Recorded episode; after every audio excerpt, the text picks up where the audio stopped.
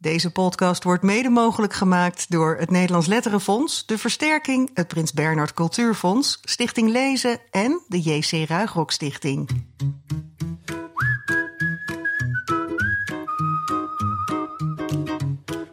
De eerste helft van 2021 zit er bijna op. En wat hebben we alweer mooie gesprekken gevoerd, Jaap? Nou, In de Grote Vriendelijke Podcast. Welkom bij de 47ste aflevering. Mijn naam is Bas Maliepaard, kinderboekenrecensent van Dagblad Trouw. En tegenover mij zit Jaap Frieso van jaapleest.nl, die net uit de voetbalwedstrijd komt gerold. ja, man. Hebben we gewonnen? Och, het was spannend. Nee, het was helemaal niet spannend. Oh. Je weet het echt nog niet? Nee, Je weet het echt wel. niet. Nee, we hebben Nee. met 3-0 gewonnen van Noord-Macedonië. Maar we waren al door. En eh, ik heb lekker op het terras gezeten, maar wel onder van die terrasverwarming. Dus ik heb een beetje moeie ogen nu. Ja, nou ja, goed. Jij wilde later beginnen Ik ben daar ook zeer dankbaar voor dat het, dat het mogelijk was. Ik Dank u zeggen, wel. als, als Ja. iemand het recht heeft om in slaap te vallen, dan ben ik het. Omdat we zo laat Maar beginnen. eh, we zijn in goede luim. Ja, zeker, zeker, Ja, zeker. ja. Hey, en nog even iets leuks. Komende woensdag dan spreekt Bibi Dumontac de Albert Verwij-lezing uit. Dat is ter afsluiting van haar gastschrijverschap aan de Universiteit van Leiden. En die lezing die heet Wipneus en zijn schimmelige vriendje Pim. Ja. En eh, het leuke is dat wij eh, die lezing mogen opnemen. Ah, we gaan een lezing uitzenden. ja, je leuk. doet heel verbaasd. Nee, maar- is hartstikke leuk. Maar ik vind het leuk om te benoemen nog even. Ja. Dan legt extra de aandacht erop. Ja, heel goed. Ja. En die gaan we dus uitzenden vanaf zaterdag 26 juni. Staat die integraal op ons kanaal. Hartstikke Dan leuk. kunnen mensen die eh, luisteren. Maar Ja. nu eerst even naar onze gast van vandaag. We hebben dit eerste half jaar dus hele mooie gesprekken al gevoerd. Maar nog niet met een illustrator. Nee. Maar daar gaat vandaag verandering in komen. Want wie is onze gast? Ja, dat is een illustrator, maar toch ook wel een dubbel eh, talent. Want ze kan zowel schrijven als eh, het tekenen. En in het Nederlands is het bekendst van haar prentenboekenserie over Kooiboy Hamster Billy. Maar ze maakte nog veel meer boeken. En over wie heb ik het? Over Catharina Valks. Welkom, Catharina. Dankjewel. Ja, en eh, we praten vandaag over jouw twee nieuwste boeken... die bijna gelijktijdig bij verschillende uitgeverijen verschenen. De eerste is Vuurtje en de Dikke Steen, die verscheen bij Querido. En de tweede is Leentje op vakantie, die verscheen bij uitgeverij Godmer. Maar er is iets bijzonders aan de hand vandaag. Je kwam ook helemaal stralend binnen. Want wij moeten jou, dat hebben we ook net al stiekem een beetje gedaan, feliciteren. Want jij hebt vandaag gehoord dat je een zilveren griffel hebt gewonnen. Ja. Ja, dat is echt heel bijzonder. Hè? Ja. Dus we hebben een illustrator aan tafel eindelijk weer eens. En die heeft dan een zilveren griffel gewonnen. Een tekstprijs dus. Ja, die kreeg jij, eh, Catharina, vanmiddag heb ik begrepen uitgereikt bij uitgeverij Querido, waar je een beetje voor een lunch was uitgenodigd. Heb je nog wel geluncht of was er helemaal geen Nou, lunch? amper. Ja, ik heb wel een, een stukje van een broodje gegeten. Ik Ja, had namelijk een soort honger gekweekt, omdat ik dacht, ik, ik krijg een lekkere lunch. ja, en toen Je was erheen gelokt, hè? Onder het Ja. val- valse ja, en toen kreeg champagne. Ja, ik zal even zeggen van welk boek, want dat Ja. hebben we nog niet gezegd. Hè. Dat is Die Kleine is Don en De Lange is John. Ja, zonder ende tussen. Hè?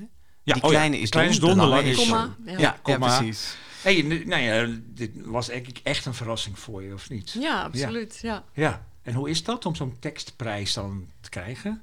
Had je Ja, niet het liever is, een eh, gouden, had je niet hele- liever een zilveren penseel gehad, eh Catharine? Nee hoor. Nee? Nee. Nee, Nee, het is... eh, ehm, ik vind allebei eh, schrijven en, en illustreren gewoon allebei even belangrijk of zo. Of even, ik vind het een hele mooie herkenning. En ik, ik, eh, ik was echt heel erg verrast, omdat ik ehm, met de loop der jaren een beetje het gevoel kreeg dat mijn humor niet zo heel erg aansloeg in Nederland.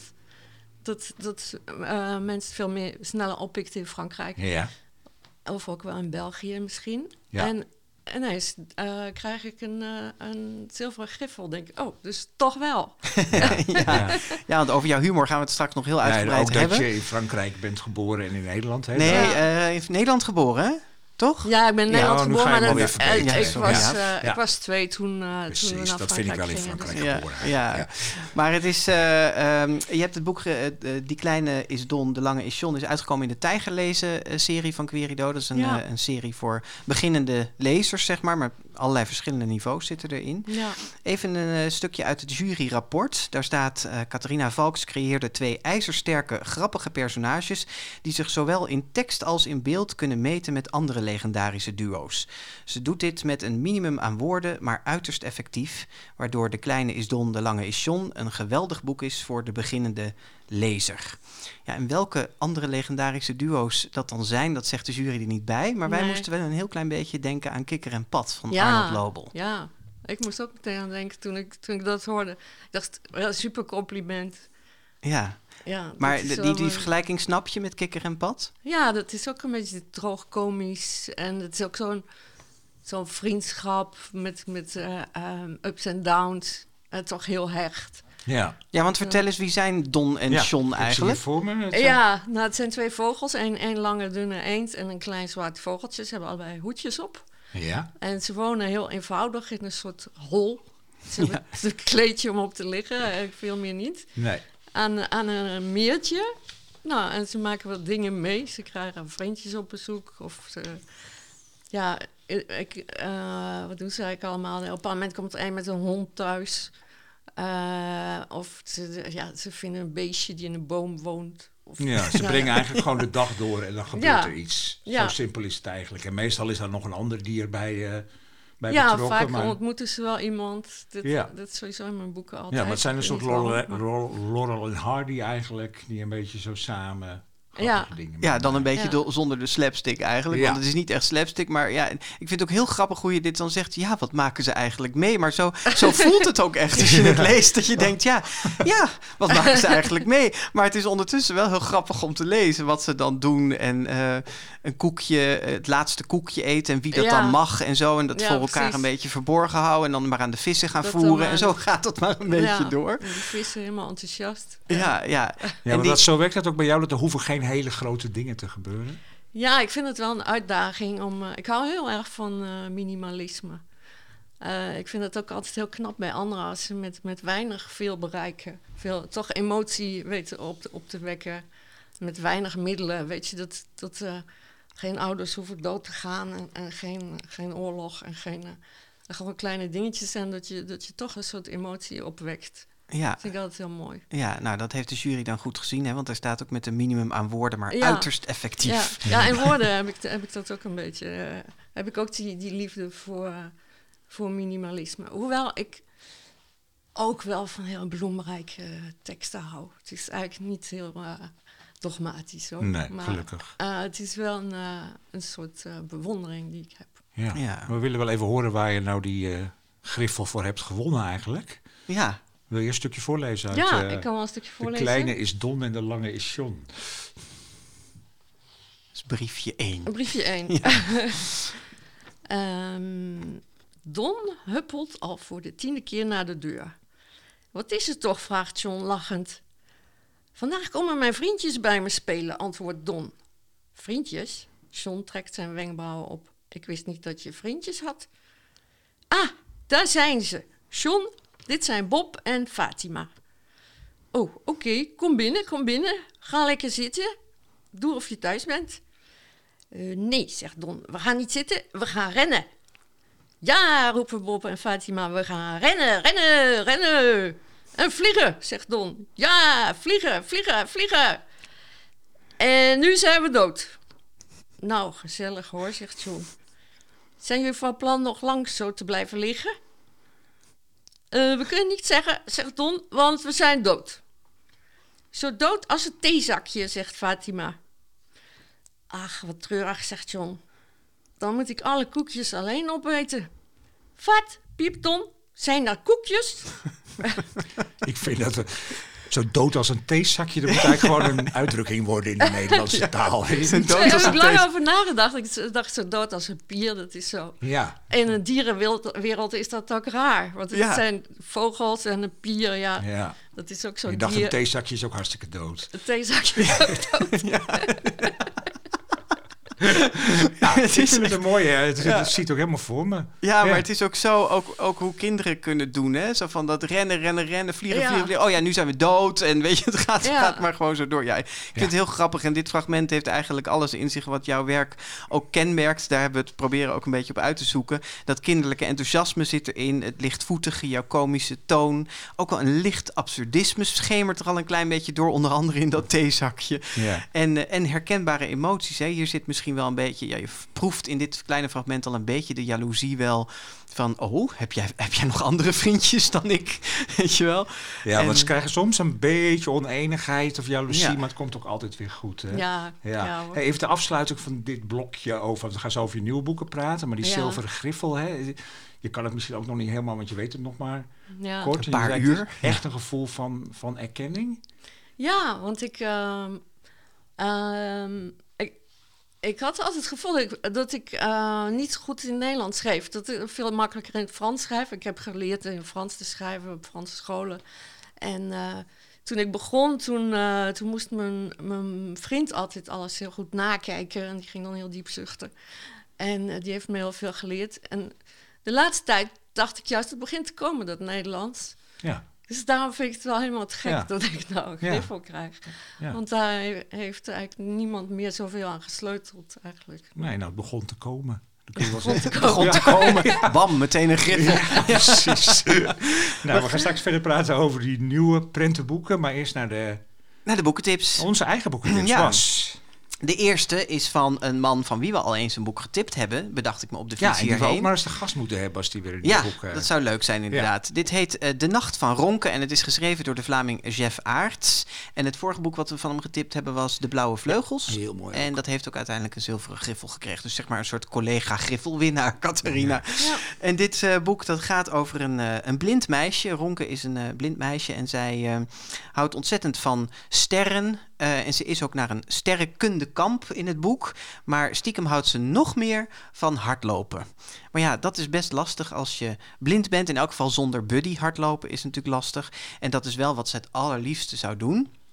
Gewoon helemaal vrij hardlopen. En daar heeft ze een, een, ja, eigenlijk een manier voor verzonnen.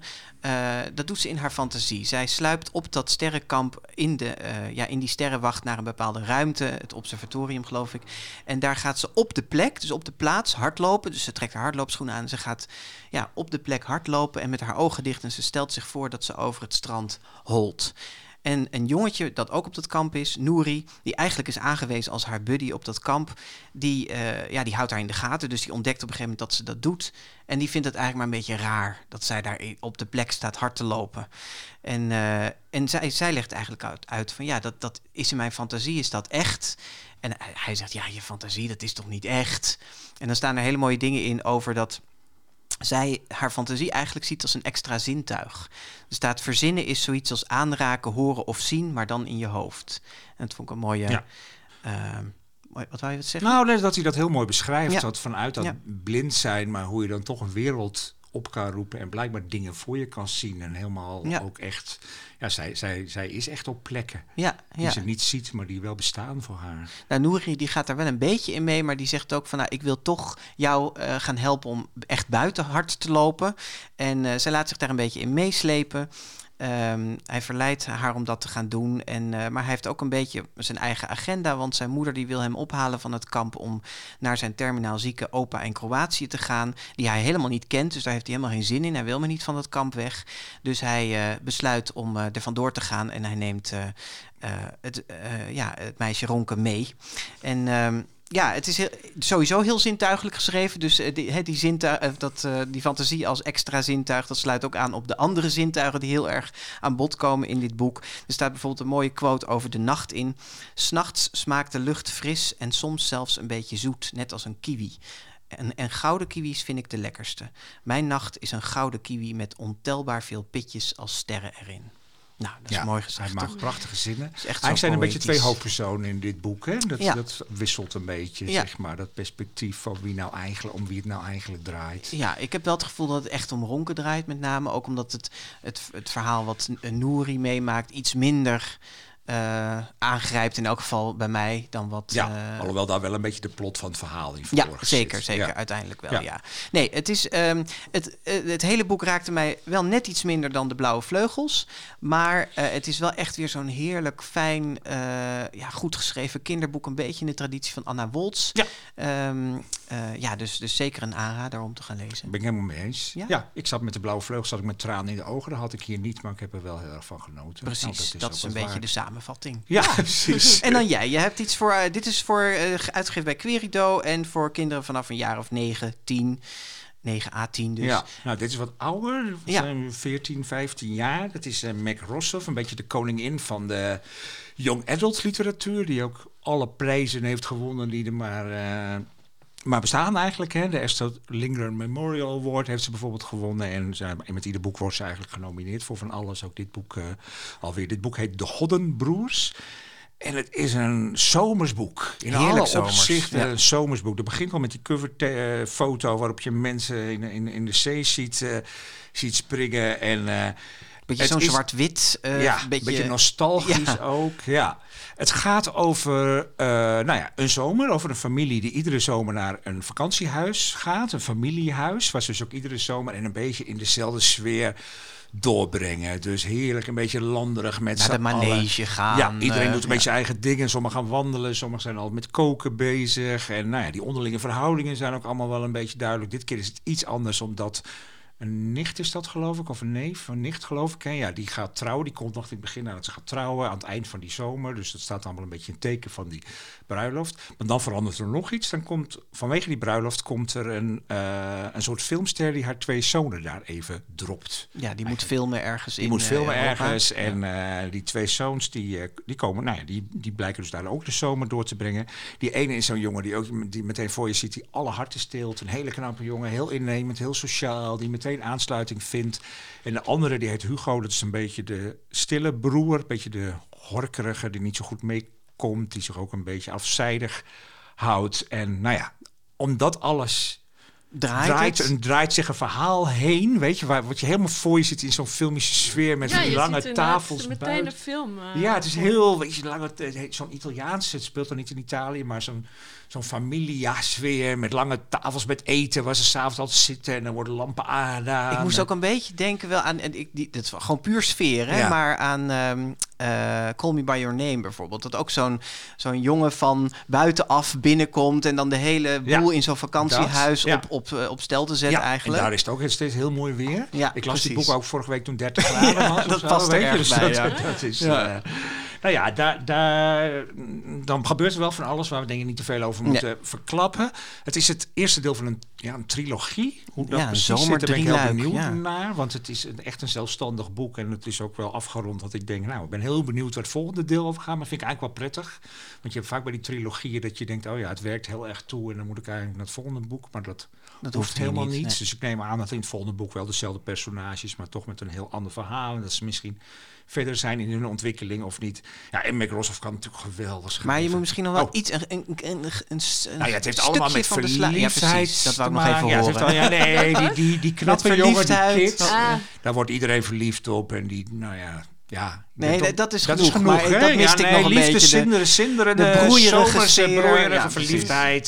En ook wel jaloezie en zo. Dat speelt daar allemaal een, eh, een rol in. En wat ik wou zeggen, die Microsoft kan heel goed schrijven. Ja, en daar is- staat dan echt een hele... Het klinkt gewoon een beetje als vraag. Ik heb een mooi verhaal voor de zomer geschreven. De die zinnetjes die ze schrijft. En die, die van alles aanduiden, maar net niet helemaal pakken. En ja, ze heeft van die prachtige beeldrijke zinnen. Ik heb dan ook even wat zinnetjes Heel opgeschreven. goed, ja, heel jij goed. dat mag. Ja. Bijvoorbeeld die Hugo, hè, waar wij, die, die broer, die horkerige broer, daar schrijft ze dan op een gegeven moment over. Je bent een wandelingetje in een mijnenveld.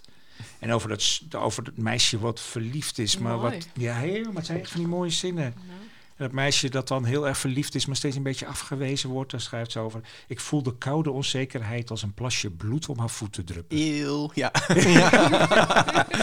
ja. Ja, nou ja, dat soort zinnen. En ja, het is een heerlijk boek. Het is Ja. gewoon een heerlijk eh, boek. Dat had ik al Een, gezegd. een Ja. GVP-tip met een mooie sticker erop hier Ja. op tafel al. Ja. En eh, hopelijk binnenkort ook in eh, de boekhandels. Ja, nou ja, we hoeven niet meer te zeggen dat al de info over deze boek op onze website staat. En onze sociale media kun je het natuurlijk ook op, vinden. Dus eh, als je ons nog niet volgt, doe dat van harte. Wees welkom bij onze club op Instagram, Twitter, Facebook, Goodreads.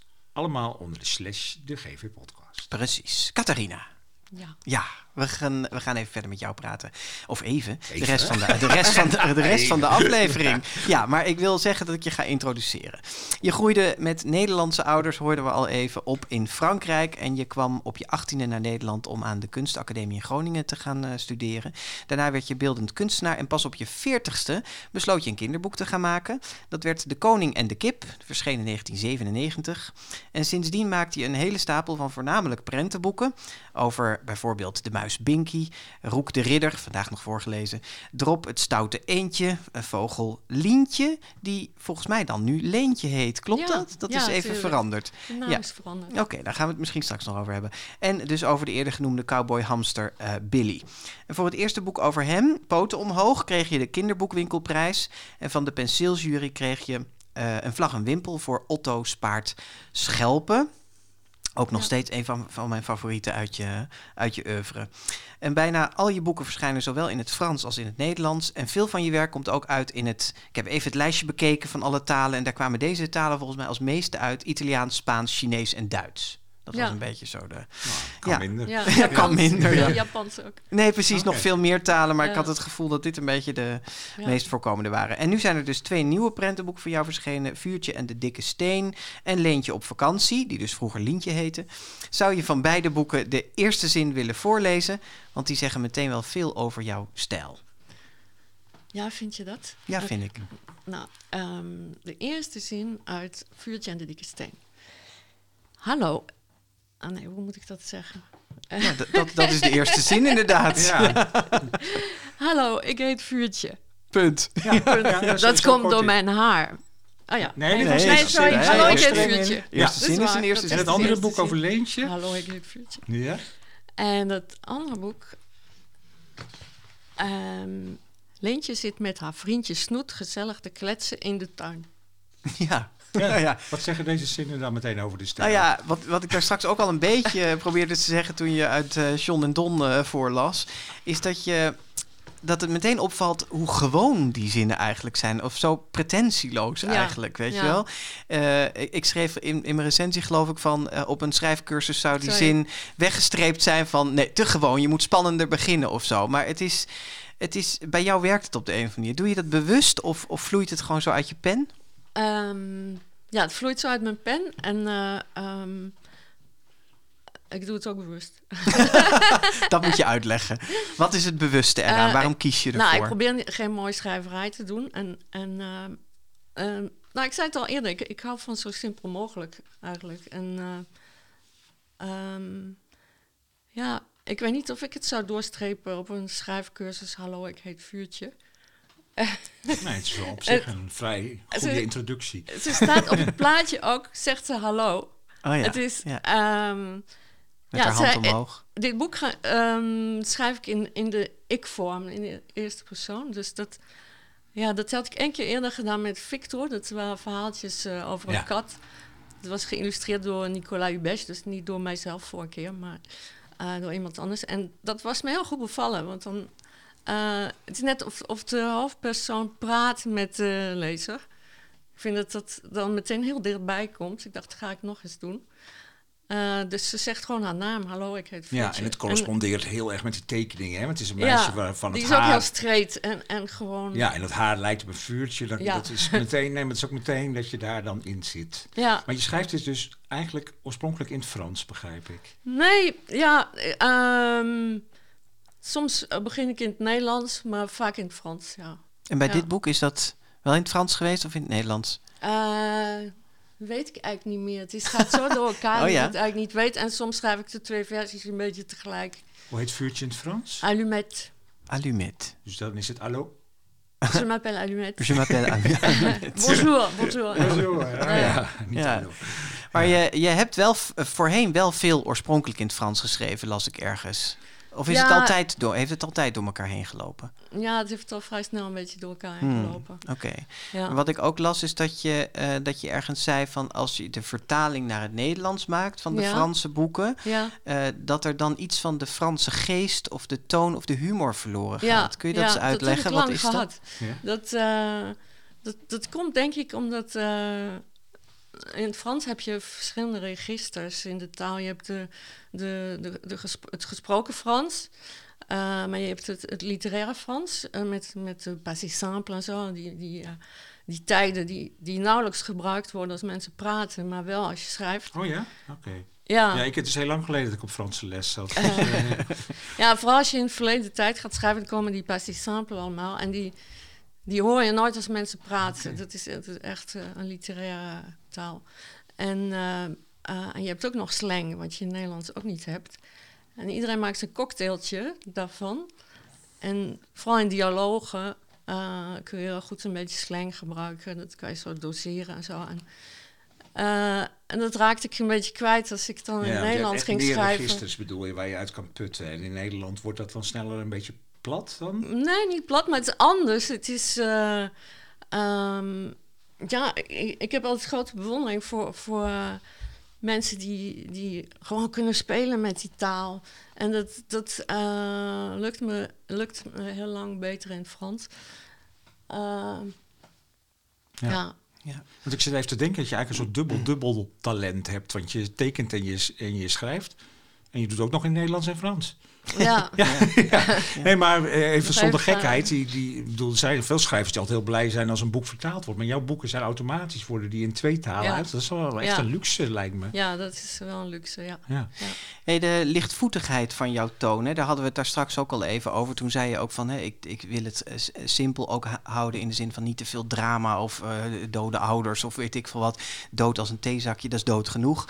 Hè? Eh, maar ehm, eh, je, je hebt ook ergens gezegd van dat het makkelijker is om de lezer aan het huilen te krijgen dan aan het lachen. ja Waarom is wel. dat zo? Nou, ik vind het heel makkelijk om, eh, lijkt me, om iemand aan het huilen. Je, je, je, trekt gewoon allemaal narigheid uit de kast. Eh, ja, het is gewoon niet zo ingewikkeld. Eh, mensen aan het lachen maken is moeilijker. Dat, dat is ook veel persoonlijker, wat, wa- waar iemand voor lacht, om lacht. En eh, het, het impliceert dat je een klein afstandje tot de realiteit hebt of zoiets. Een soort andere insteek, een beetje. Een soort de boel, de boel van opzij bekijkt of zo, in plaats van recht van voren. Ja, Ja. dat is wel mooi gezegd, ja. Ja, want, want jij bent volgens mij niet echt uit op de bulderende lach, Nee, toch? helemaal niet, nee, Maar nee. waar ben je wel op uit dan? Ja, meer de glimlach of zo. Ja. Of de, ja, dat het een beetje iets geks heeft. Ja, want dat woord droog komisch, wat het eigenlijk ook maar betekent, maar dat komt heel vaak terug. Hè? Ja, En dat komt vaak terug. Wat is dat eigenlijk? Eh, dat is dat, eh, dat je het moet voorlezen alsof het niet grappig is. Ik denk dat dat Ah, het droge is. Ja, ja, dat denk ja, ik ook ja. wel, ja. Nee, het is Ja. Natuurlijk heel het gewoon erg... zo moet oplepelen en dan... Ja, Ja, en Komt dan het zit het beste toch, over? Ja, dan is het, Ja. ja. dus dat, dat, dat, dat grenst ook een beetje aan, het, aan dat licht absurdistische ook. ja, ja. Ja, maar wat, het is natuurlijk heel erg om aan iemand te vragen van leg eens uit wat jij dan grappig vindt of wat is jouw humor. Maar kun je er iets, iets over zeggen van wa- wa- wanneer beginnen bij jou die mondhoeken te krullen? Wat, wat Ja. vind jij grappig? Ja, het, ehm, ik vind het ook helemaal geen probleem als iets melig is of lekker dom. Mhm. Integendeel, dat eh, vind ik altijd ook leuk. Ehm, ja, eh, foute logica is ook heel leuk. Dat je, eh, ja, ik weet niet, eh, is iemand ongelukkig? Wil je dan iemand anders zijn? En dan ja. Ja, Of ja, ik weet niet. eh, niet te gaan we. Er zijn verschillende mogelijkheden. We kunnen wat aan doen, dit en dat. Nee, je, kunt dan, je moet dan iemand anders worden of zoiets. Ja, dat is een beetje een stom voorbeeld. Maar eh, kromme logica is, is vaak wel Ja. Een bron van eh, absurdistische humor. ja, ja. En, en er zitten ook gewoon absurde dingen in. Ik herinner me een scène uit Billy, eh, de cowboyhamster. Die gaat een feest geven en dan mogen ze, het wordt een verkleedfeest. Ja, En dan komt er een, eh, zijn, vriendje, de worm Pierke, die komt verkleed als rivier. ja. Die heeft Ja. zichzelf dan blauw geschilderd. Als Ja. golvend wormpje met een bootje op zijn rug. Oh, ja. En dat is dan zo'n... Maar Ja. dat is weer een absurdistisch beeld dan of Ja, zo. Dat je ja. dat Ja, zo... bij, bij Victor is dat geloof ik, zweeft er ineens ook een visje door de Ja. dierenwinkel, zomaar door de lucht. ja, Ja. Ja, dat vind ik leuk. Als die, en als hij dan ook nog... eh, eh, dan zegt die kat tegen hem... Hey, eh, moet jij niet in het water zijn? en, dan, en dan die vis die zegt dan... Ja, ik begrijp het ook niet goed wat uh, ja, nee. ineens doe. Nee. Ja, ja, precies. En dan komt er nog een paard of een ezel binnenlopen die achteruit loopt. Ja, die kan die dag alleen nog maar achteruit lopen. Ja.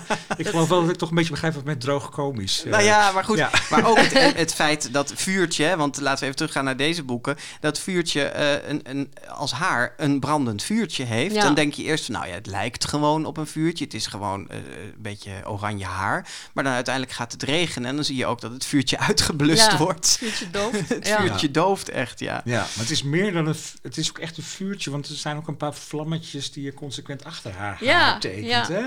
ja, en het is ook nog eh, in, in fluorkleur gedrukt. Ja, ja, dat is Ja. heel Dat grappig. helpt Ja. ook goed. Ja, hey, en, en je, je zei daar straks van ja, je houdt van minimalisme, dat is te zien aan je illustraties. Eh, je zegt van ik hou niet van mooi schrijverij, maar toch zijn jouw teksten best. Ja. Ja, Nou ja, goed. ik doe het zelf niet, maar... Nee, ja, op zich- oké, maar eh, voor je eigen boeken bedoel Ja. ik dan ook. Maar toch zijn jouw teksten behoorlijk lang eh, in, in vergelijking met andere prentenboekteksten. Je hebt, schrijft vrij lange verhalen, dus zo minimalistisch is het in die zin ook weer niet. Ja, ja, ja. Ja, ik vind Ja. het lang. Oh ja, ja. Oh ja, Eh, ben je verbaasd over, over die constatering? Ehm, ja, ik schrijf toch wel voor, voor kinderen van een jaar of vier, vijf, zes, weet je. Dus Ja. Ja, maar in vuurtjes zijn het soms echt wel... Is, het- is het blokjes tekst. tekst, Ja. hè? Het zijn Ja. niet eh, één of twee regels. die Ja, is het zo dat, dat eh, teksten steeds korter worden bij Ja, prentenboeken? absoluut. Ja. Want ik las laatst weer zo'n boek van Janos. Dan denk je ook, wow, wat een lappe tekst. Ja, Daar zijn ja. die van mij weer ook kort bij. Ah, Oké. Ja. Maar je houdt Dus- er wel van, ook omdat het voor die leeftijd is dat je zegt van nou, er moet ook wel iets voor te lezen zijn. Ja, het moet toch wel een beetje iets zijn ook. Nou, het, het is gewoon een ander genre als je echt een regeltje hebt. Ja. Het kan ook helemaal te gek zijn. Ik, ik ben bijvoorbeeld een grote fan van eh, John Klassen. Ja, Oh ja. ja. Weet ja. je, van eh, eh, wie heeft mijn hoed Ja. gestolen? Ja. Dat zie je elke keer één zinnetje. Dat vind ik echt heel erg knap ook. Ja. Hoe gaat Nou, dat ik, ik schrijven? flets iets meer. Ja, je let iets meer, ja. Hoe gaat dat schrijven en tekenen? Doe je dat tegelijk? Of, of heb je eerst teksten gemaakt? Ja, ik, ik, ehm, ik heb vaak wel die, die personages getekend. Dat ik ongeveer weet hoe ze eruit gaan zien. En zo. Die, moeten, voor, die, moeten, die moet ik leuk vinden om te tekenen. En, nou, eh, vervolgens ga ik echt het verhaal schrijven. En begin ik pas als dat helemaal vaststaat. Dat ik eh, helemaal zeker ben. Ja. Maar is, is die, die- zijn die personages die je dan in je hoofd krijgt, zitten die wel meteen vast aan een verhaal? Of bedenk je ook gewoon los een character, een figuurtje en ga je dan pas een verhaal eromheen verzinnen? Ja, dat gebeurt ook wel eens. Oh, wat grappig. Ja, Is- ja. Is Vuurtje begonnen als, als character of Ja. zat ze meteen... Ja, dat, dat- meer als karakter. Ik dacht, Ah, ja. ik, ik ga iemand... Ik had een keer een krabbeltje gemaakt. Ehm, Zo'n gezichtje met eh, eh, de, de haar dat in, in vlammen stond, zo omhoog. Dat zag ik later weer. Dat heb je wel met die krabbeltjes die je dan ineens weer ziet. denk je, oh, hey, dat is echt leuk. ja. Toen dacht ik, nou, ik ga maar weer eens een, een boek maken met een, eh, met een mens. Met een meisje. Want ik, maak, ik had een tijdje weer boeken gemaakt met dieren. Ja. het is bijna het alleen maar leuk. eigenlijk, ja, hè? eh, met ja, dieren. bijna alleen maar. De Ja. koning van de kip, dat is wel een echte koning. Ja, En soms komt er opeens een, een insect voorbij wat een mensenhoofd heeft. Dat is dan ook alweer... Of een, eh, tenminste, ik, ik kan het even, je kijkt me aan alsof dat niet klopt. Dus misschien moet... Oh ja, nee, een miertje of zo. Ja, precies. ik wel van die, eh, zelfs haartjes. Ja, Ja, ja, precies. nee, die heeft dan gelijk, echt ja. een, een mensenhoofdje. Ja, ja, ja, dat is waar, grappig, ja. En wat, wat even het laatste stukje nog over je teksten. Want wat ook heel erg opvalt, is dat je veel dialogen schrijft. Ja, ja. Waarom doe je dat? Ja, omdat het voorleesboeken zijn. Dus eh, ehm, dan, dan vind ik het leuk als de lezer eh, stemmen kan doen. En er wordt zo levendig van, vind ik. Ja, nou, ik, ik hoef ook niet zoveel te beschrijven, want ik teken het toch al. Dus Ja. je, je ziet wel wat, eh, Ja. wat er gebeurt. Dus eh, en ja, het wordt een beetje filmisch dan, vind ik. Soms vind ik het jammer dat er niet ook nog een beetje muziek bij is. Ja, ja, ja. Ik kan me wel voorstellen. Ja. ja. Ja. Hey, eigenlijk, eh, als we naar je verhalen gaan, hè, dan- we hadden dat een beetje samen over. Kun je het misschien grofweg in twee soorten verhalen verdelen in je oeuvre? Je moet maar kijken of je het ermee eens bent. Maar een beetje de licht Grofweg, hè? Grofweg. Ja. Ja. Maar er zijn een beetje lichte, ab- ab- absurde verhalen. hè. Zo'n koning die heel erg innig bevriend is met een kip. En de verhalen waarin de personages een herkenbare emotie beleven. Of nou, experimenteren of dingen doen die niet helemaal mogen. Zoals liegen of stout zijn of anderen bang maken. Dat is een beetje in de twee boeken die we nu gaan bespreken eigenlijk ook wel het Ja, ja, ja. geval. Ja, Vuurtje is dan het absurdistische verhaal. Hè. De, eh, Vuurtje ontmoet een steen. Die Ja. zomaar begint. Ze gaat op een steen zitten tijdens een wandeling en die begint zomaar te gapen. Dus dat, die wordt wakker. Ja, En die dat- had eh, eh, 100 miljoen jaar geslapen. Ja, Ja. precies. Ja. Dus dat valt heel erg onder, de, onder die absur- absurde verhalen. En dit andere boek van Leentje. Eh, dat gaat eigenlijk over een, een vogeltje dat zich afvraagt van... eh, heb ik wel eens een hele dag gelogen? Of heb ik wel eens gelogen überhaupt? Ja, echt liegen. Ja, echt liegen. En dat, ja, en dat besluit ze dan een hele dag te gaan doen. Ja. Laat even een vuurtje gaan om Ja. ook dat stukje over die steen. Want dat, dat hebben we nu al een beetje verklapt. Maar wil je dat voorlezen? Oh ja, dat is Ja. echt een ja. Ja, heel sorry grappig dat ik dat nou weer... stukje. En dan wordt ook duidelijk waarom we hier bakjes met kersen op tafel hebben. staan. Ja, ja, precies. Het was heel lekker weer en ik was gaan wandelen. Om even uit te rusten ging ik zitten op een grote steen. Toen gebeurde het. De steen begon opeens te gapen. Ah, wat heb ik lekker geslapen, zei hij. Ik denk wel honderdduizend jaar. Het was de eerste keer dat ik een wakkere steen zag. Is dit een goed jaar? vroeg hij. Nou, uh, ik geloof het wel, antwoordde ik. Het is in ieder geval een heel goed kerstjaar. Kersen, kersen. Wat zijn kersen ook alweer? vroeg de steen. Hij was vergeten wat kersen waren. Dat krijg je natuurlijk als je honderdduizend jaar slaapt. Ik stelde voor om wat kersen voor hem te gaan halen. Dat is aardig, zei de steen. Dan blijf ik nog even wakker.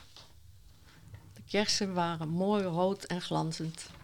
Nou, dat zijn ze hier op tafel ook. Ja, ik heb een kerstje is. Ja, heel Dus goed. Ze zijn heerlijk. Ja. Ja. we gaan er straks Ja. lekker van, eh, van. Ik vind dat, dat het is een mooi kersenjaar. Dat is een beetje de, de thee, het theezakje uit het vorige fragment. hè? Maar echt zo. Nou zo'n- ja, of deze zin, eh dit vond ik ook zo grappig. Het was de eerste keer dat ik een wakkere steen zag. Ja. Ja, de, denk ik dan. Dat vind ik echt wel Ja. grappig. Hoe kom je op zo'n steen? Ehm, ja, ik had al eh, eh, een keer eerder die steen gebruikt in ehm, eh, een boek dat niet in het Nederland is uitgekomen. Dus, Oké. eh, dat heet Hallo de Wereld. Eh, een meisje die allerlei zaken hallo gaat zeggen. En ook aan een steen. Ja, op de een of andere manier. en ook een keer in een, in een leesboekje, die ook niet in het Nederlands is uitgekomen. Er was dan een meteoriet die dat niet wist van zichzelf. Maar die, nou ja, waar dan uiteindelijk een bordje naast werd geplaatst, waar hij dan heel trots op was. Later bleek het dan weer geen meteoriet te zijn. Oké. Ja. Zo'n soort gesprek wordt dit jaar. Maar stenen zijn toch mooie dingen. Het is een beetje een animistisch boek. Je hebt een steen, je hebt een wolkje, je hebt... eh, Ja, want het wolkje heeft ook een gezicht, hè? Het is ook een levend Ja. wezen Ja. eigenlijk. Ja. En je hebt een schildpad en je hebt een poesje. En je een hebt poes, vuurtje. ja. Dat is eigenlijk wel, hè? ja, Maar dat poesje vind ik ook zo heerlijk. Maar het is, ja, het is een Ja. leuk poesje. Ja. ja, maar wa- wat, eh, is er dan ook nog iets wat je met dit verhaal wil zeggen? Of is het Ja, het gewoon is- een... Ik heb dat boek gemaakt toen, eh, eh, toen waren we net verhuisd. We, we hebben heel lang gewoond in een huis aan de gracht in Amsterdam. Zo'n groot oud huurhuis. En daar moesten we uit. En dan, daar hadden we 30 jaar gewoond. En dan, dan ga je al je, je dingen opruimen en zo. Dan, en op de een of andere manier ga je dan nadenken of... Ja, het kom je allemaal oude dingen tegen en wat je vergeten bent en wat je niet vergeet. En over de tijd die verstrijkt. En dat je denkt, ik ben jong in dat huis gekomen, ik ga er oud weer uit. Weet je, het is toch heel gek. Ja, ja dan ga je denken over jaartallen en wat, wat onthoud je, wat onthoud je niet. En, nou, ik, ik had ook een beetje verhuisblues. Het, het was niet helemaal vrijwillig, die verhuizing. Uiteindelijk zijn we wel goed terechtgekomen. Dus, eh, Ja, maar het gaat dus eigenlijk maar- over het verstrijken van de tijd. En Ja, ja, ook al een beetje aan het eind heb je zo'n plaat waarop Vuurtje dan toch best innig tevreden naar een enorme sterrenhemel kijkt. En, en zegt van ja, ik, ik probeer dit moment of deze zomer nooit meer te vergeten. ja, ja, Eh, precies, ja, het gaat echt een beetje ook over het genieten van het moment, dat ik het Ja, gevoel ja. van, nou ja, die kerst, het is goed kerstjaar, we gaan kersen eten, Ja. weet je, dat. Maar je kunt honderdduizend jaar slapen en dan even wakker zijn en dan eigenlijk ook weer gaan slapen. Ja, Dat ja. ook, ja. En hij houdt van de regen en die steen. Dat stel me ook voor, wat, wat is nou lekker voor een steen? Dat is dat je en toe gewassen wordt. Zo.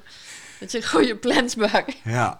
Dan ben je een goede kinderboekenmaker volgens mij, als je je afvraagt, wat is nou lekker voor een Ja. steen? Ja. dat zijn de goede ook te vragen. denken wat de luisteraar allemaal vindt van deze ja, wat beschrijving. En als ze het boek niet hebben gezien, maar ja, dat is misschien ook de Oh, bedoeling ja. dat we nieuwsgierig maken. Hè? Ja, misschien. ja, ja.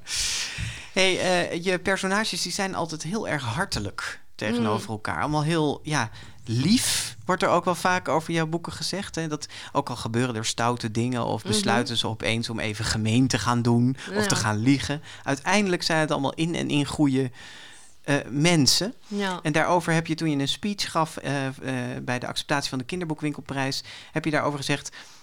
ehm, mijn boeken zijn, o- hebben ook een eh, soort onuitgesproken moraal, geloof ik. Ik krijg vaak te horen dat mijn personages zo lief zijn. Lief zijn vind ik een onderschatte kwaliteit tegenwoordig. Wat Mhm. bedoel je daarmee? Vind je de samenleving te veel verhard?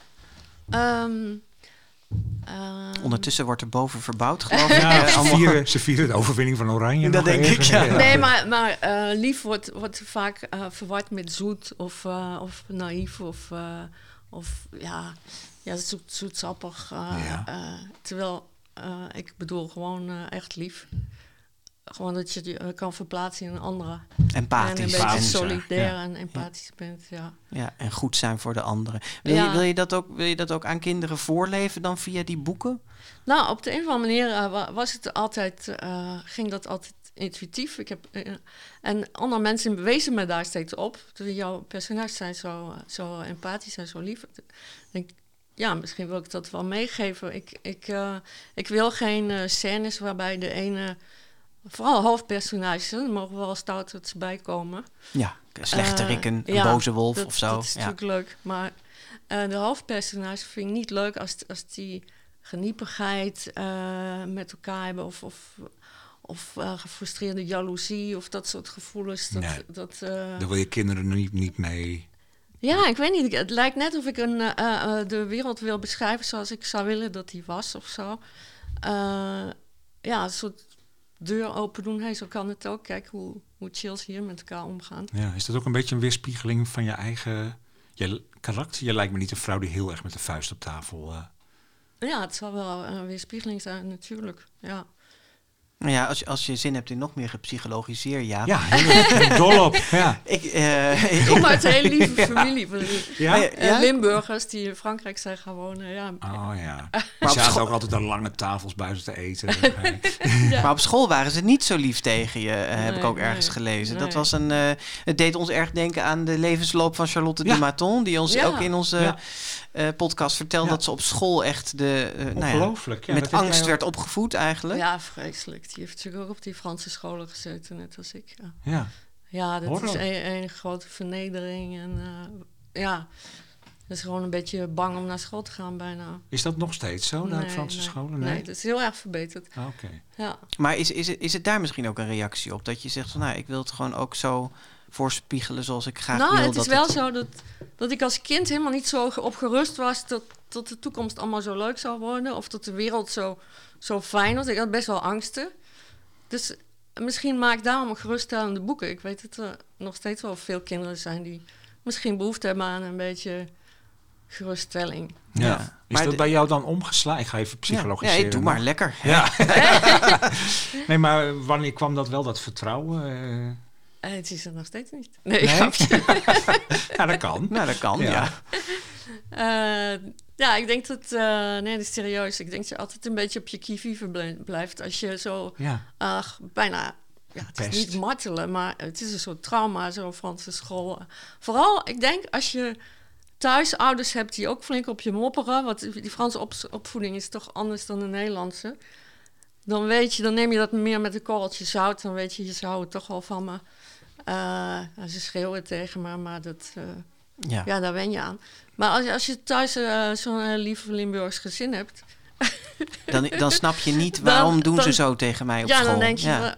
ja, dit is verschrikkelijk. Gewoon, Ja. dit is... Ja. De boze buitenwereld is dan heel letterlijk eigenlijk. Ja. Maar dat Ja. waren wel vooral de leerkrachten of wa- waren kinderen onderling ook heel nee, de onveilig? leerkrachten meer. Ja, dus je hebt Ja. wel een soort van... Ja, en het was de basisschool vooral. Later uh, middelbare school ook nog wel af en toe, maar eh, toch veel minder. Ja. maar ik vind het wel mooi wat je zegt, dat, dat het eigenlijk een soort geruststellende boeken zijn. Dat woord had ik er zelf nog niet zo bij bedacht, maar dat klopt wel heel erg. Je hebt, het is ook heel fijn om ze te lezen en dat klinkt dan ook wel zo zijig, maar Ja, dat Ja, maar het moet... is echt... Ik zat er vandaag nog een paar door te bladeren en je wordt er gewoon helemaal een beetje rustig. Oh, de glimlach en. Ja.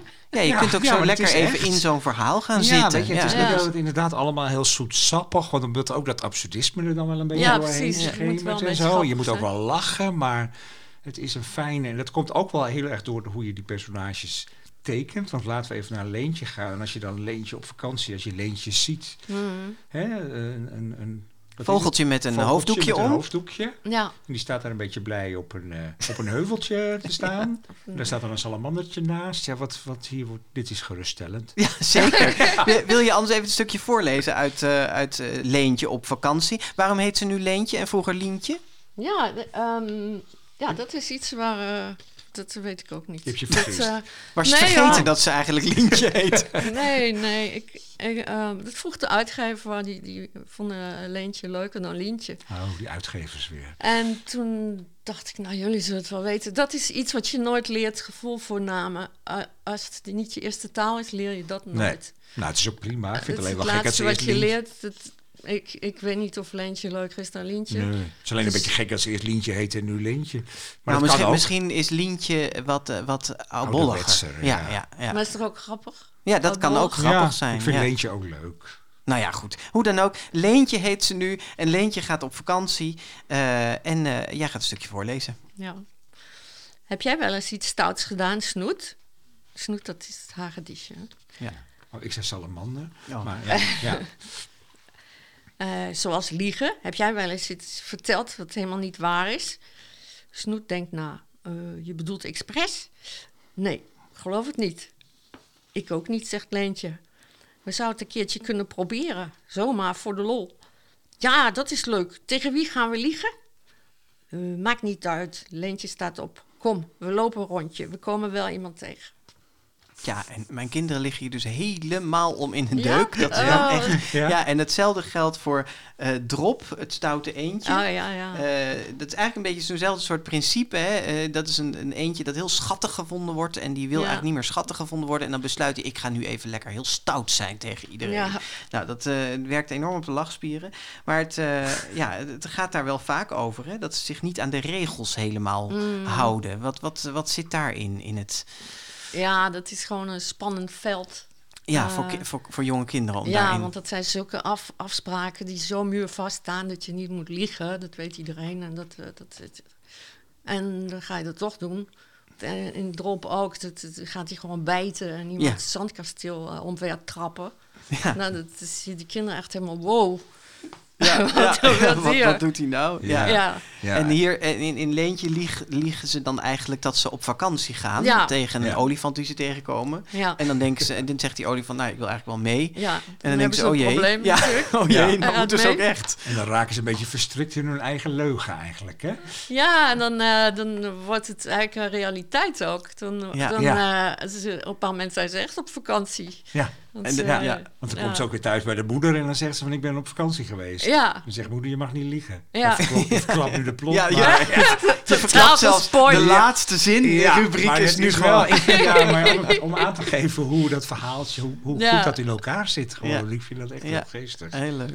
Hey, we willen nog even wel naar je tekeningen. Want we hebben het nu de hele tijd over tekst en verhaal gehad. Maar, heeft ehm, een Griffel gewonnen. Ja, nee, Ja. dat is waar. Dat Ja. is waar. Maar goed, wat, wat ons als eerste opvalt, is als we al je prentenboeken doorbladeren, is dat je nooit een stad tekent. Het is altijd Oh, ja. Ja. platteland of in elk geval een wijsheid die je tekent. Waarom is dat? Kun je geen Ehm, huizen tekenen? Nee, of... ik kan het niet. Gewoon lui uit. Nee, nee, ik... eh, ja, ik weet niet. Ik teken waar ik van hou. Dus ik vind het heerlijk om een boom te tekenen. En zo'n straat heb ik geen zin in. Dat denk ik. Zo'n straat met allemaal eh, auto's en, eh, en ja, huizen. eh, en- auto's al helemaal niet. Dat vind ik zo moeilijk. Hmm. En ik zou ze wel tekenen als, als ik ze nodig had. Als ze met de auto gingen of zo. Maar eh, als ik niet... eh, eh, als ik, ik, ik, dat boek trouwens, Victor, wat ik gemaakt heb Ja, met dat Nicolas... speelt in de stad. Dat is in de stad. En dat, ik had hem de eerste teksten gestuurd voor een bizarre dag. Dat was het eerste stuk van de eerste dag. Het, het boek bestaat uit zes dagen. Ja. Dus ik had hem dat gestuurd en toen stuurde hij tekeningen terug. Dacht ik, hij heeft helemaal niet, eh, ik had niks gebriefd over de omgeving. En ineens was het helemaal in de stad. dus jij dacht, ik stond eh, eh, echt op het punt om te zeggen, Nicola, nee, dit, dit is het niet hoor. Het moet in een dorpje. Ja, het moet het platteland zijn. maar- Ja, en eh, gelukkig hebben we me ingehouden. En uiteindelijk is dat juist heel erg leuk dat je dan. Dat is je leuk als je samenwerkt. Ja, dat er iets komt wat jij zelf Ja, eigenlijk niet zou doen. Ja. Ja. Ja. En daarna ben ik dan weer meer dingen gaan schrijven voor de stad, voor hem dan. Ja, maar de, de, de- het, het onderstreept wel ook een beetje de, het minimalisme van hè, waar je van houdt in, in als het gaat om de gebeurtenissen. Dat weerspiegelt eigenlijk ook de omgeving die je tekent. Ja, En er zit ook een soort ja, sereniteit daardoor in. Het is heel rustig, heel kalm, toch? Ja, maar ik vind het zo'n mooi woord. ja, Ja, maar Ja. dat vind, vind ik ook echt. Ja. ja. ah, leuk. Ik, ben, eh, ik, ik ben heel erg eh, precies met kleur. Eh. En soms ben ik een beetje teleurgesteld als het dan gedrukt is, vooral met die quadri-druk. dan verlies je soms wel. Vier eh, kleuren druk. Ja. Je kleurdruk, ja, dan, eh, vooral oranjes en, en roze verliezen behoorlijk eh eh, pit. Wat is dat? Precies zijn met kleur? Nou, dat ik, ik kan soms een plaatje vier keer overmaken, omdat ik denk dat het nog iets mooier van kleur kan zijn. ja, ja. En zit daar het meeste werk in? in? In de kleuren uiteindelijk? Of is het ook gewoon de, Nou, de kleuren heb ik altijd gevonden, daar ben ik wel goed in. Uh, het meeste werk zit in tekenen toch wel, voor ik die ja. tekeningen echt goed heb. De compositie en de, en de vormen en zo. Ja. ja. Want wat, wat voor stijl, hoe zou jij je eigen stijl omschrijven als je dit, dit kunnen Geen doen? idee hoor. Nee? Uh, nee. Nou, je leest wel vaak cartoonesk bijvoorbeeld. Of dat er iets. Dat komt ook door die dikke zwarte lijnen, denk ik. Ja. En die duidelijke Ja. gezichtsuitdrukkingen. Ja. Ja. Ja, ik heb, eh, uitdrukkingen vind ik ook heel belangrijk. Omdat ik, ik wil toch dat de kinderen echt dat verhaal ingesleept worden. Dat ze wel met die emoties meevoelen. Dus eh, ik, ik, ik let wel echt op... eh, ze, ze hebben wel allerlei uitdrukkingen. Maar is daarin de strip een, een, een inspiratiebron voor je? Ehm, nou, ik heb wel veel strips gelezen vroeger. En ook heel veel nagetekend als kind. Dus dat ik... nou, ja, de Donald Duck na te tekenen. Oh ja, dus Disney is jouw leermeester eigenlijk. Disney, ik was een grote Disney-fan en ook tekenfilms natuurlijk van Disney. Ja, want je tekende altijd veel al. Ja, Ja. ja, ja. En waarom ben je dan pas op je veertigste een kinderboek gaan maken? Ja, ik wil kunstenaar worden. en eh, eh, schilder. En dus ik heb heel veel geschilderd. eh, maar eh, dat was de, de vrijheid met de grote V. Weet je, als je eh, kunstenaar bent, dan... eh, dat was iets te groot voor mij, want ik, dan kan alles. ik knalde alle kanten op. Ja, dan ging ik weer films maken en dan weer environment en dan weer was ik weer beelden aan het maken en dan weer aan het schilderen. En dan hield ik van abstract, maar ook van figuratief. En op een bepaald moment wist ik wel, dit gaat het niet worden zo. Dit is lekker concreet. Gewoon Ja. twee kafjes met wat papier ertussen. Ik vond het heerlijk, die beperkingen. Ja. Dat het, eh, en op een bepaald moment kreeg ik te horen dat je zelfs een, een meervoud van acht aan bladzijden ideaal was. Oh, dacht ja. ik, oh, dat is helemaal grappig. Dan heb Dan moet je dus Ja, ook nog een juiste aantal bladzijden. Ja. ja. ja.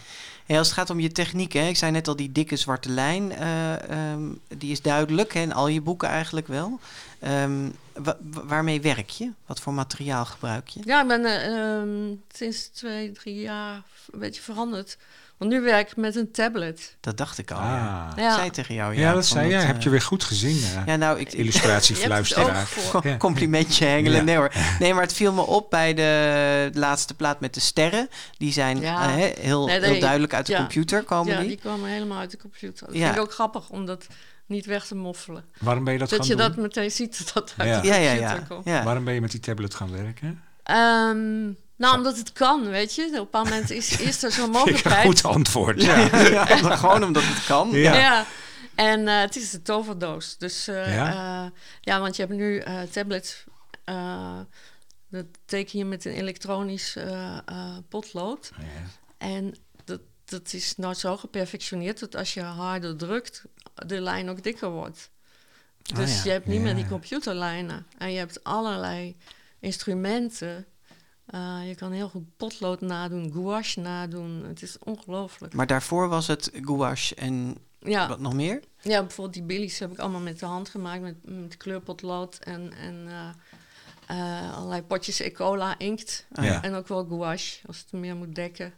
Ja, maar er zijn ook, ook eh, illustratoren, de eerder genoemde Charlotte de Maton bijvoorbeeld, die dat echt verre van zich houden, hè, de Ja. digitale. Maar voor jou is dat juist een enorme verrijking. Dat, eh, Ja, ik weet niet of ik het altijd zal blijven doen. Op een bepaald moment heb je het misschien een beetje gehad met zo'n scherm. Het is wel eh, zo dat je... Je beweegt helemaal niet meer. Je, je hebt alles bij de hand. Dus eh, eh, je zit echt op zo'n scherm. Terwijl je, als je op papier werkt, dan moet je nog eens wat water gaan spoelen. En, Ja, wat- ik net zeggen. Gaat en een beetje van het, papier snijden en eh ja, eh, het, roeren. ambacht, het ambacht gaat wel een beetje weg. ja, toch? je hebt weer een ander ambacht. Ja? Het is weer, ja. En, en, en word je nog verrast, vraag ik me af. Want materiaal, hè, fysiek materiaal, Ja. is natuurlijk, dat kan je soms verrassen doordat er, weet Ja. ik veel, een punt afbreekt of de verf een andere kant op vloeit of noem maar op. Ja, ja je wordt toch ook nog verrast op, door, meer, op een andere manier dan. ehm, want je werkt helemaal in lagen en, en soms gaan twee lagen. Ja, dan doe je een of andere manipulatie en denk je, hé, hey, dit ziet er gek uit. Dus Ja, ja, ja. eh, ja. dat heb je toch ook nog steeds. Ja. Ja. Ja. Hey, en die fluo- fluoriserende kleur, die noemde je net al even. Hè? Dat, dat zijn dus echt van die dingen uit de toverdoos die je niet met eh eh, Jawel, analoge jawel. middelen Dit kan is, doen. dit is gewoon bij het drukken. Ah, ja, ja, eh, ja. ja. Nee, Het maar ik bedoel, dat zijn wel toevoegingen die je, die toch uit de digitale sfeer komen, of niet? Nee, dit had Oh. ook gekund als ik het met de hand had Ah, gemaakt. oké. Ja. Ja. Hey, we gaan bijna aan het einde. Ja, Ja, zeker. Zo snel. Ja, Ja, zo gaat het. het uur is al bijna om, Ja, eh, Catharina. Ja. U Wow. praat gewoon gezellig door, mevrouw Valks. Wat wil jij nog absoluut nou, waar ik weten? toch wel heel benieuwd naar ben, is dat wel dat, dat Frans-Nederlands. hè. Klopt, ben jij nou, want dat wordt altijd een beetje gezegd van is in Frankrijk misschien wel veel beroemder dan hier. Dat intrigeert mij dan weer ja, heel erg. dat is ook zo. Kun ja. jij in Frankrijk over straat? Nou, nee, eigenlijk niet meer. Ja, Nee, du maar- Nord moet ik... Maar, maar je zegt meteen dat is wel zo. In Frankrijk heb je een grotere eh, verkoop en een grotere Ja, naam ja, dan hier. Zit je ja. dat dwars? Nee hoor, nee. Nee, Ehm, nee ik, ehm, op een bepaald moment vond ik het wel een beetje jammer dat, dat mijn boeken zo weinig aandacht kregen in Nederland. Dacht ik, ja, waar ligt het nou aan? En nou ja, eh, toen eh, dacht ik, nou ja, het is gewoon zo, weet je. de, eh, eh, het is niet erg, komt wel misschien wel een keer. Ja. Maar is het, En- ben je erachter waar het door komt?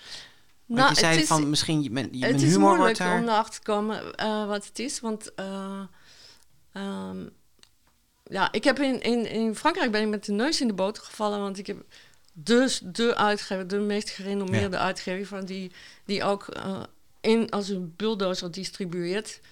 Ze hebben ook abonnementsclubs. Dus als je boeken daarin komen, dan, dan die hebben heel veel abonnees. Dus die dan eh, gaan er heel veel boeken de deur uit. Dus, en mijn, mijn Franse uitgever zei altijd tegen me, toen ik begon, zei die jouw werk is niet spectaculair.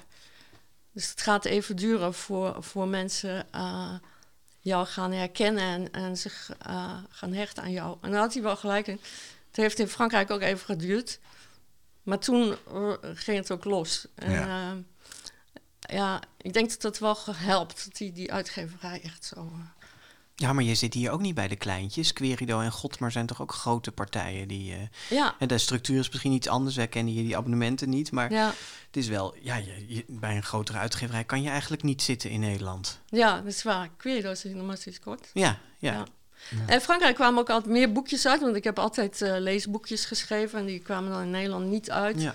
Omdat ze niet in een AVI-systeem pasten. Maar het, het, het zit niet in iets inhoudelijks of in de ja, toon. misschien. Of... Ik had het vandaag nog met Bel Kuiken over, die, eh, Jouw redacteur? redacteur bij Querido. En die zei dat, dat, eh, dat het misschien de humor was. Ja. Ehm, ja, dat dacht ik eigenlijk ook op een bepaald moment.